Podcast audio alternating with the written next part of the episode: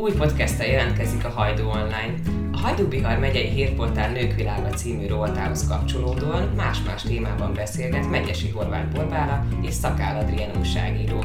A Haon Nők Világa podcast sorozat legújabb felvételeit szerdánként hallhatják a haon.hu oldalon. Halmozottan sok szeretettel köszöntjük hallgatóinkat ezúttal is, ez itt a Nők Világa Podcast negyedik adása. Beszélgető társam ebben az adásban is Megyesi Horváth Borbála. Szia Bori! Szia kedves Dia! Az enyém pedig Szakál Adrien, aki, mint tudjuk, remek cikkeket és kérdéseket tesz föl különleges debreceni nőknek, akiknek valamilyen módon izgalmasabb pályája, vagy valami miatt számunkra legalábbis példaértékűek. Kivel foglalkozunk most, áruld el? Paptime a kavics művésszel fogunk foglalkozni, és direkt nem mondom, hogy különleges, mert az előző három beszélgetésünk alkalmával ezt a fogalmat már elkoptattam, úgyhogy készültem olyasmikkel, hogy nem mindennapi, uh. nem átlagos. A, ami az egyik legfontosabb dolog, amit róla szerintem a debreceniek tudnak, az az, hogy tavaly előtt mutatta be először a Kőlelke című kiállítását Debrecenben, és fantasztikus képeket készít, de ami számomra még érdekesebb volt róla, az az, hogy hogyan jutott el eddig az útig, hogy mikor kapcsolódott be ebbe, és hogy mi az, ami ez neki ad. Ugyanis 45 éves lett, amikor elkészítette az első ilyen alkotását, és neki semmilyen komolyabb szakmai múltja, nem hogy, nem hogy képzőművészeti képzettsége nincs vagy múltja, hanem egyáltalán nem találta meg a helyét az előtt, úgymond az életben, és feltette magának azt a kérdést, 45 évesen, hogy, hogy te Timi itt tartasz, hogy ennyi volna az életed? És utána látott meg az interneten egy, tudom én, valami kis cicás képet, de valamilyen, tehát tartalmában egyáltalán nem egyedi dolgot, de a formája volt különleges számára az, hogy kavicsokból készült, és akkor alkotta az első ilyen képét. És annyira mm, elgondolkodtató volt számomra, hogy hogy, hogy mégis mi az, amitől az ember sikeres lesz, vagy azt mondja, hogy, hogy letettem valamit az asztalra. Hogy, hogy mások dolgoznak rettentő sokat, vagy, vagy előre felépítik azt, hogy nekem most lesz egy diplomám, kell egy szakma, kell egy ház, kutya, macska, autó, nyaraló, és akkor kész vagyok. Hogy hogy van ez? Szerintem a nagy sikerek közepette, meg az ilyen szépen eltervezett pálya bizonyos pontjainak elérése közepette is lehetünk elveszettek. Nem feltétlenül, olyan maga a fogalom is nekem annyira fura, pedig nagyon gyakran használjuk, és természetesen értem, hogy mire, hogy letettél valamit az asztalra. Muszáj-e vajon hangosan gondolkodom, nem tudom a válaszokat, muszáj-e mindig kézzel foghatónak lenni a sikernek? Muszáj-e mindig valamihez kötnünk azt, hogy ha ha diplomás leszek, ha meg lesz az első autóm, ha beköltöztem a, abba a lakásba, ami már csak 30 évig nem az enyém, és utána az lesz, mármint mondjuk egy behitelezetre gondoltam, muszáj ehhez kötni, vagy lehetünk konstans elégedettek. Jó, konstans elégedettek biztosan nem, de hogy az út folyamán is fenntarthatjuk annak a, a jogát, hogy már pedig én jól érzem magam, addig is, amíg odaérnék a terveim bizonyos pontjaira. Kell szerinted ehhez valamiféle számadás vagy számvetés önmagunkkal szemben? Ö, valahogy úgy mondanám, hogy nem kötelező, de az ember úgy van kitalálva, hogy mégiscsak szülinapokon, évfordulókon, karácsonykor, vagy mondjuk, ha valamilyen nagy eset történik, erről már többször beszéltünk, balesetek, vagy egyéb ilyen kis isteni fülönpöckölések idején szoktunk számvetést csinálni, mert azt érezzük, hogy szükséges. De egyébként szerintem nem lenne kötelező, e, éppen elég lenne nagyon figyelni magunkra. De hát erre meg, mint tudjuk, soha nem, adunk, soha nem hagyunk magunknak időt erre. De a, a dolognak nem, nem az lenne, az a lényege éppen, hogy, hogy relatív. Tehát, hogy önmagunkhoz képest van, például a, a az önismeretünkhöz képest, a saját fejlődésünkhöz képest, vagy a gyerekkori álmainkhoz képest, hogy mennyire vagyunk tevőlegesek önmagunk felé. Én ezzel nagyon egyet tudok érteni, de szerintem az emberi mi voltunknak, meg tök szuper lenne, ha mindig csak saját magunkhoz viszonyítanánk magunkat, vagy, vagy akár mondjuk egy gyerekkori álomhoz, az is egy jó kis sorvezető. De az emberi természetnek része az, hogy kifelé is néz, és hasonlítgatja magát, miközben nem ugyanabban a cipőben járunk, úgyhogy nem is juthatunk ugyanolyan messze de szerintem ez a természetünkből fakad. És hát olyan is van, akinek a személyiségét éppen az húzza, húzza előre, hogy azt látja, hogy a szomszédnak megy. Tehát nem tudhatjuk, ez is relatív, nem tudhatjuk, hogy kinek mi az a lökőerő, vagy ez a gyújtópont, ami erőt ad ahhoz, hogy még egy célig elhúzza magát, mondjuk. Timinek mi volt ez a cél? Vagy mi volt ez a gyújtóerő? Hát semmi. Én, én imádom azt hogy Egyáltalán semmi. Őt előtte se nagyon zavarta egyébként. Csak a legutolsó munkahelyét kérdeztem meg, az is annyira bájos volt, mint ő maga. Egyébként végig, amikor beszélgettünk, úgy éreztem, mintha egy, mint hogyha egy nagycsoportos óvodástársammal diskurálnék. És ezt csak is a szó jó értelmében, ugyanis ő úgy volt kocsmáros, hogy el tudod képzelni, hogy így áll a kocsmáros, és rendelik tőle a piát a bácsik, és Timi azt csinálta, hogy rendre leveszélte őket az alkoholra, természetesen elbocsátották viszonylag hamar. Nem is meglepő, de bennem felmerült, hogyha megvan neked az a film, hogy én a nő és plusz egy fő, amiben beszéltek a kárság fogalmáról. Persze, van a igen, igen, igen, igen, meg. A, a keresem folyamatosan a nők világa interjú alanyaimban is, hogy megvan-e valakinek a timisége, mert a te boriságodat azt úgy nagyjából már tudom, hát Timinek a timisége ez teljesen megvan, és ez az egyik része. És nagyon egyrészt bájosnak, másrészt ilyen pozitív idézőjelbe rakandó dolognak tartom azt, amire ő nem alkalmas, mert úgy látom, hogy hogy olyan dolgokra, amikre ő maga állította, hogy, hogy nem jó, vagy nem illeszkedik be, azok, azokat számomra is nagyjából fölösleges dolgok, amiket a felnőtté válás járó bekockulás és ilyen mértékegységek berendezés ad. Tehát nagyon sok fölöslegességünk van, én gyakran csak akkor döbbenek rá, amikor ilyen embereket hallgatok, és visszavisznek ahhoz, hogy, hogy, eh, hogy átgondoljam, hogy, hogy a gyerekeknek a bölcsessége, a tisztasága, az őszintesége, és itt most gondolhatunk önmagunkra is, mint gyerekekre, mennyire szép lenne, hogyha így maradnánk. Nagyon sokat lehet hallani az ilyen pszichológiai, vagy pszi, ö, pszichével kapcsolatos, vagy lelki gazdagsággal kapcsolatos közösségi oldalakon arról, hogy a belső gyermeked vajon hogyan tekintene arra, aki ma vagy. Hát valószínű Timire akkor büszkén is már kihúzva, mert hogy ő megőrizte ezt a gyermeki felszabadultságot.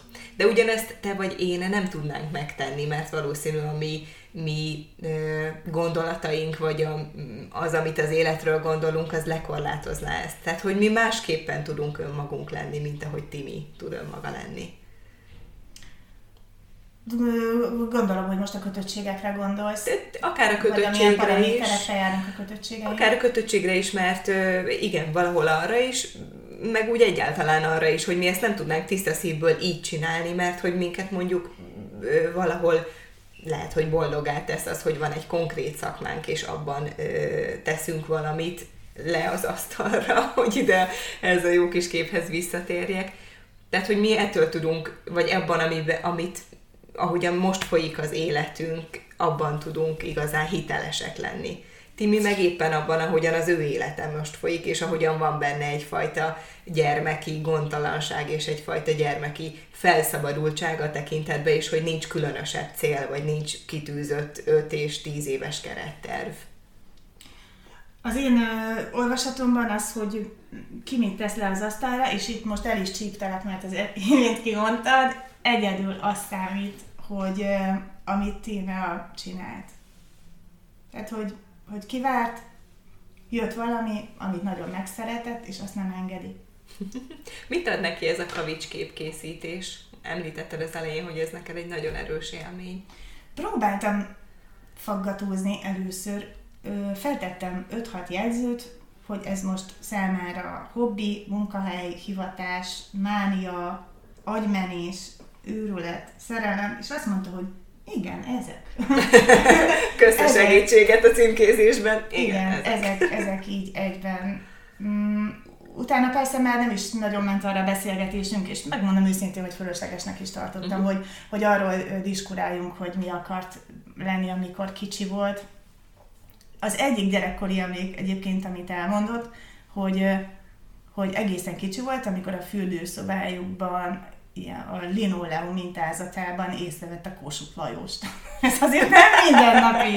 Tehát oké, okay, hogy látunk a felhőkben bárányt, meg dinoszaurusz, stb., vagy megfigyeljük a jégvirágokat, de azért ez mégsem mindennapi, tehát szerintem már azzal a szemlélettel igen korán találkozhatott, vagy azzal a fajta látásmóddal. Bocsáss meg, ez még azelőtt volt, mielőtt a kocsmában kezdett el dolgozni?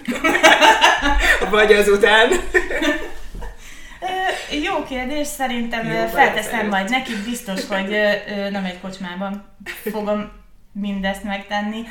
Viszont ő bele is gondolt, és bár nem kérdeztem tőle, önmagától, önmagától osztotta meg velem azt, hogy ha üzenhetne a 30 évvel ezelőtti önmagának, akkor az úgy szólna, hogy Timi, hajolj le, vedd fel az első követ a földről, és lásd bele valamit. Ezek olyan jó tanácsok, és olyan hát ilyen érzelmileg megmozgató, hogy de jó lett volna ezt x évvel ezelőtt tudni.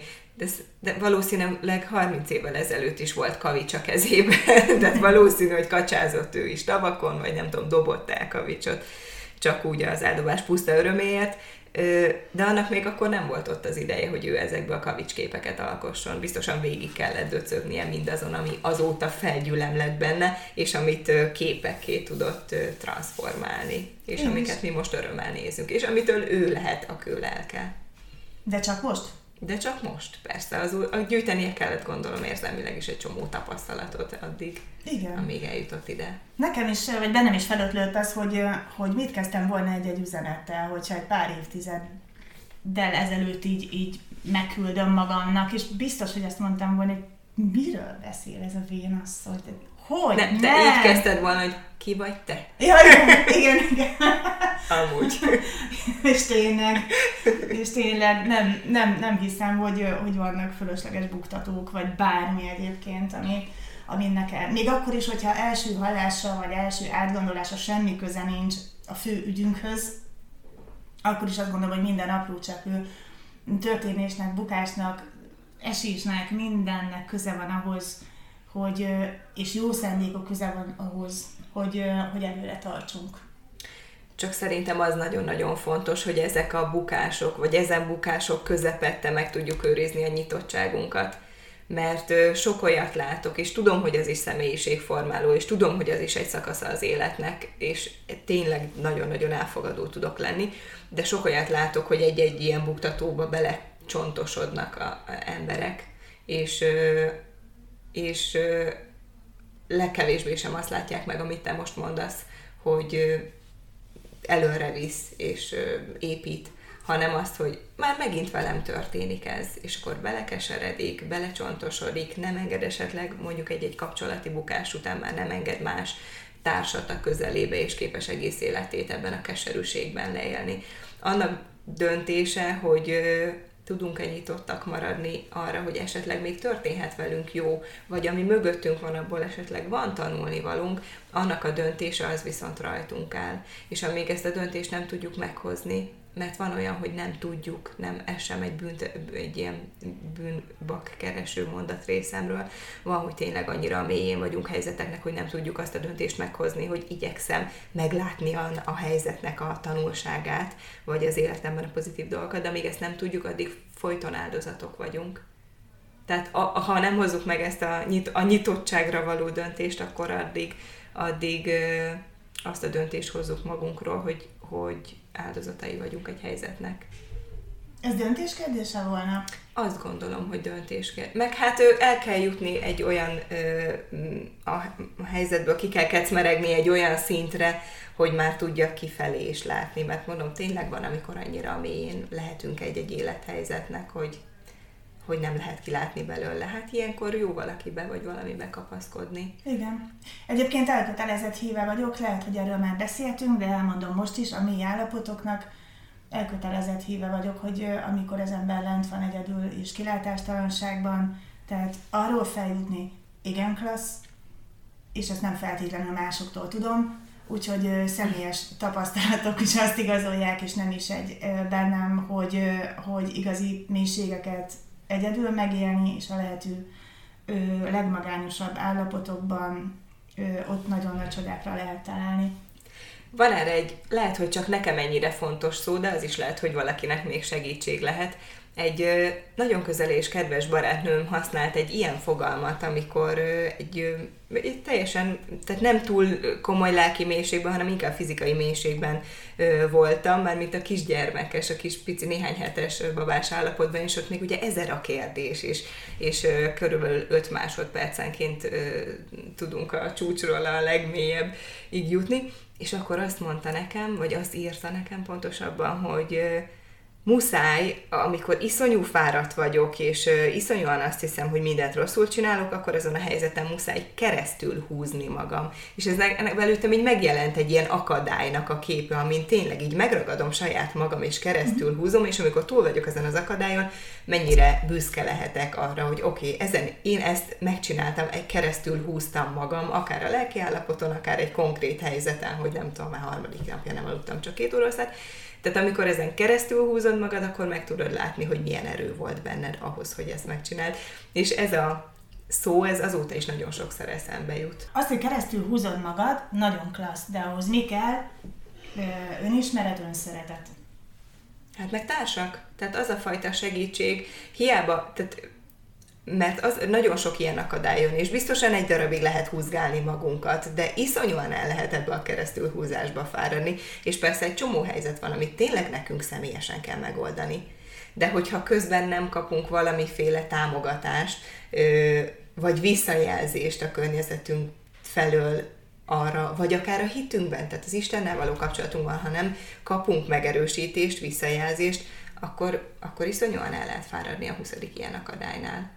Tehát, hogy én könnyen dumálok úgy, de mindig, amikor így okoskodok, az is eszembe jut, hogy ha könnyen szövegelsz, miközben még olyan iszonyú nagy-nagy-nagy tragédiák, amik mondjuk beszélhetnénk a háborúról, vagy komoly ö, elvesztésekről, ilyenek nem értek, addig én nagyon könnyen szövegelek. Meg úgy, hogy van, van mögöttem, hála Istennek, sok ember, és a Jóisten is, akibe lehet kapaszkodni. Úgyhogy mindig óvatosak vagyok ezzel a kijelentéssel. Igazad van, igen, a társak fontosságának tekintetében. De mi van azokkal a dolgokkal, amiket például nem tudsz elviselni? Azt mondja Timi, hogy két dolog van, amit nem enged be az életébe, és százszázalékosan kizárja. Az egyik a hazugság, és akkor is ragaszkodik az őszinteséghez, ő vele szemben is, hogyha tudja, hogy nagyon fájdalmasak ezek a szavak. Vagy maga a tény, ami az őszinteség. A másik pedig az alkoholizmus, hát mondjuk igen, ez a kocsmás történet, igen, ez, ezt is igazolja, hogy, hogy nagyon nem tud mit kezdeni a mátyús emberekkel, akikkel nem lehet rendesen beszélgetni, és mm. megbízhatatlanok. És elgondolkodtam én is, hogy mi az, amit ami kizárhat, tehát kizárja azt, hogy az életem közelében legyen, de rájöttem, hogy ezek inkább helyzeti dolgok. Mint például? Milyen helyzet? Hogy adott helyzetekben az emberség... Szívesen. Ő, Bari, ez a következő mondat. Ne haragudj, igen. Tehát adott helyzetben. Egy adott helyzetben mennyire, mennyire távolodik el a, az emberségtől, az emberség szintjét az, ami, ami történik, vagy amit a másik tesz, vagy gondol, vagy mond. Én csak ettől teszem függővé egy kicsit rokon azzal, amit ö, én gondoltam, amikor ezen közösen elkezdtünk filózni. Nekem meg az, hogyha valaki rossz indulatú, amire nincs igazán semmi oka. Tehát mármint, hogy a rossz indulatra eleve soha nincs oka, de hogy lehet úgy is kommunikálni, hogy itt egy feladat, amit mondjuk te így gondoltál, én meg így, oldjuk meg, de azért téged, mint embert ugyanúgy tisztellek, mint az előtt, mielőtt ezt a feladatot mondjuk rosszul, vagy jól, vagy valahogyan megcsináltad és nagyon sokan meg összemossák az embert azzal, amit éppen tesz. Meg nagyon sokan a saját lélekhelyzetükből indul, kiindulva ok nélkül bántanak, vagy beszólnak, vagy idézőjelesen, képletesen mondom, rugdosnak másokat. És én ezt annyira, de annyira rosszul viselem, hogy nem vagyok egyébként egy nagyon-nagyon ideges ember, de, de hogy olyankor az tényleg nagyon föl tud húzni. Hogy annak mi értelme? Annak, aki adja ezt a bántást, semmivel nem lett jobb. Az ő fájdalma nem lett kevesebb. Annak, aki kapja, és igazából az okát sem érti, annak rosszabb lett. Tehát, hogy ez egy pont, pont az ellenkezője annak, amit csinálnunk kellene, hogy pozitívan egy picit így egymást föl, hát hogy is mondjam, kiszeretjük egymásból a jót, szerintem ez lenne a jó út, és az, hogyha ok nélkül bántunk másokat, csak azért, mert nekünk éppen rossz kedvünk van, rossz napunk van, vagy mondjuk tegnap minket is bántottak, az pont az ellenkezője ennek, és ez egy olyan lefelé húzó spirál, amiben szerintem tilos belemenni annak, aki embernek akarja hívni magát. Úgyhogy egy picit ez rokon-e azzal, amit te mondasz, hogy amikor valaki nem emberséges, amikor valakire úgy szívesen rászólnál, hogy hallott te magad, nézzél már bele a tükörbe, és mit szólnál, hogyha... Egyébként egy pici három és fél éves gyerekemnek is mondom olykor, hogy neked hogy esne. És nagyon sokan ezt a tükröt, ebbe a tükörbe nem néznek bele, vagy ezt a tükröt nem használják. Sajnos. Persze, Bori, mert el vannak foglalva azzal, hogy mit tesznek le az asztalra. Ja. Lehet. És én azt gondolom, hogy ameddig ez nincs letéve az asztalra, hogy nem vagyok fej, hogy jól bánok az emberekkel, hogy igyekszem jól bánni az mm. emberekkel, elsősorban magammal, hm. hogy jól tudjak bánni másokkal, addig tulajdonképpen hiába épül rá bármilyen szakma, hivatás, siker, doktori diszertáció, kovácsolt vaskerítés, horvátországi tengerparti nyaraló, teljesen mindegy, mert az egész kuka, tehát lesöprés kuka. És minél később kezdjük el, vagy kevesebb időt szentelünk annak, ami egyébként meg tíme adott neki 45 évet, meghalljuk előtte, mert minél később kezdjük el, én azt gondolom, hogy annál vastagabb falak épülnek, annál súlyosabb lesz az asztal, amire rá kell pakolni, és egyre több idő és energia, felesleges dokumentáció, lexikális tudás, hazug kapcsolatok, azokból született gyerekek, stb. családok mennek tönkre, mennek a kukába, mert az ember nem tanul meg embernek lenni. Hát aztán majd a sokadik generáció úgy is megtanul. Tehát, hogy azokat a pakokat is visszük, amik, ahogy ha már említetted ezt a, ezt a házasságot, vagy a hazugházasságból született gyermekeket, tehát valahol majd megoldódik az, csak nem lenne baj, hogyha mi hamarabb megoldanánk mi, amire már mondjuk ráismerünk. Igen, a saját a, életünkben. A, a, a, a saját életünkben, nem pedig, nem pedig visszatekintve a, a gyerekkorunkról, egyébként Timinek mindig visszajön a gyerekkor. Nyilván ez egy ez egy, ez egy nagyon-nagyon bájos és aranyos dolog, amikor, amikor a kavicsokban meglátjuk a figurákat. Ő viszont azt mondja, hogy amikor a kiállításán szemléli azokat, akik szemlélik az alkotásait, bennük is azt látja, sőt mondják is neki, hogy tisztára gyerekkorban mentem vissza, hogy láttam, és az képzelőerő is kell, tehát nagyon szemléletesek ezek a kavicsképek. Egyébként az egész munkássága megtekinthető a Facebookon, galériák formájában. Nyilván nem ugyanaz, mint élőben. Ö, idén még lesz egy kiállítás a Debrecenben, tehát személyesen is meg lehet róla bizonyosodni, hogy, hogy tényleg ö, egy, egy, egy mesevilágba visz bennünket vissza, de ő ezen nagyon jókat szórakozik, ahogy a nagyon komoly szomszédasszonya is átment hozzá a múltkor, hogy nézd, mert találtam egy figurát, figura van és nem is nagyon láttam még előtte mosolyogni, és hogy ennyire, ennyire vissza ö, tud bennünket ö, ö, hozni a gyerekkorunkba.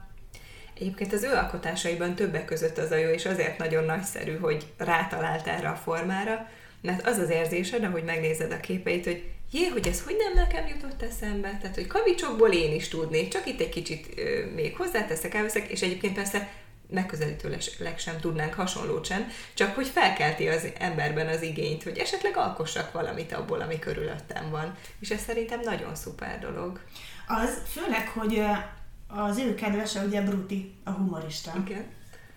Na most akkor az, az ember először felmerül, hogy ők egész nap vicceskednek, utána, utána.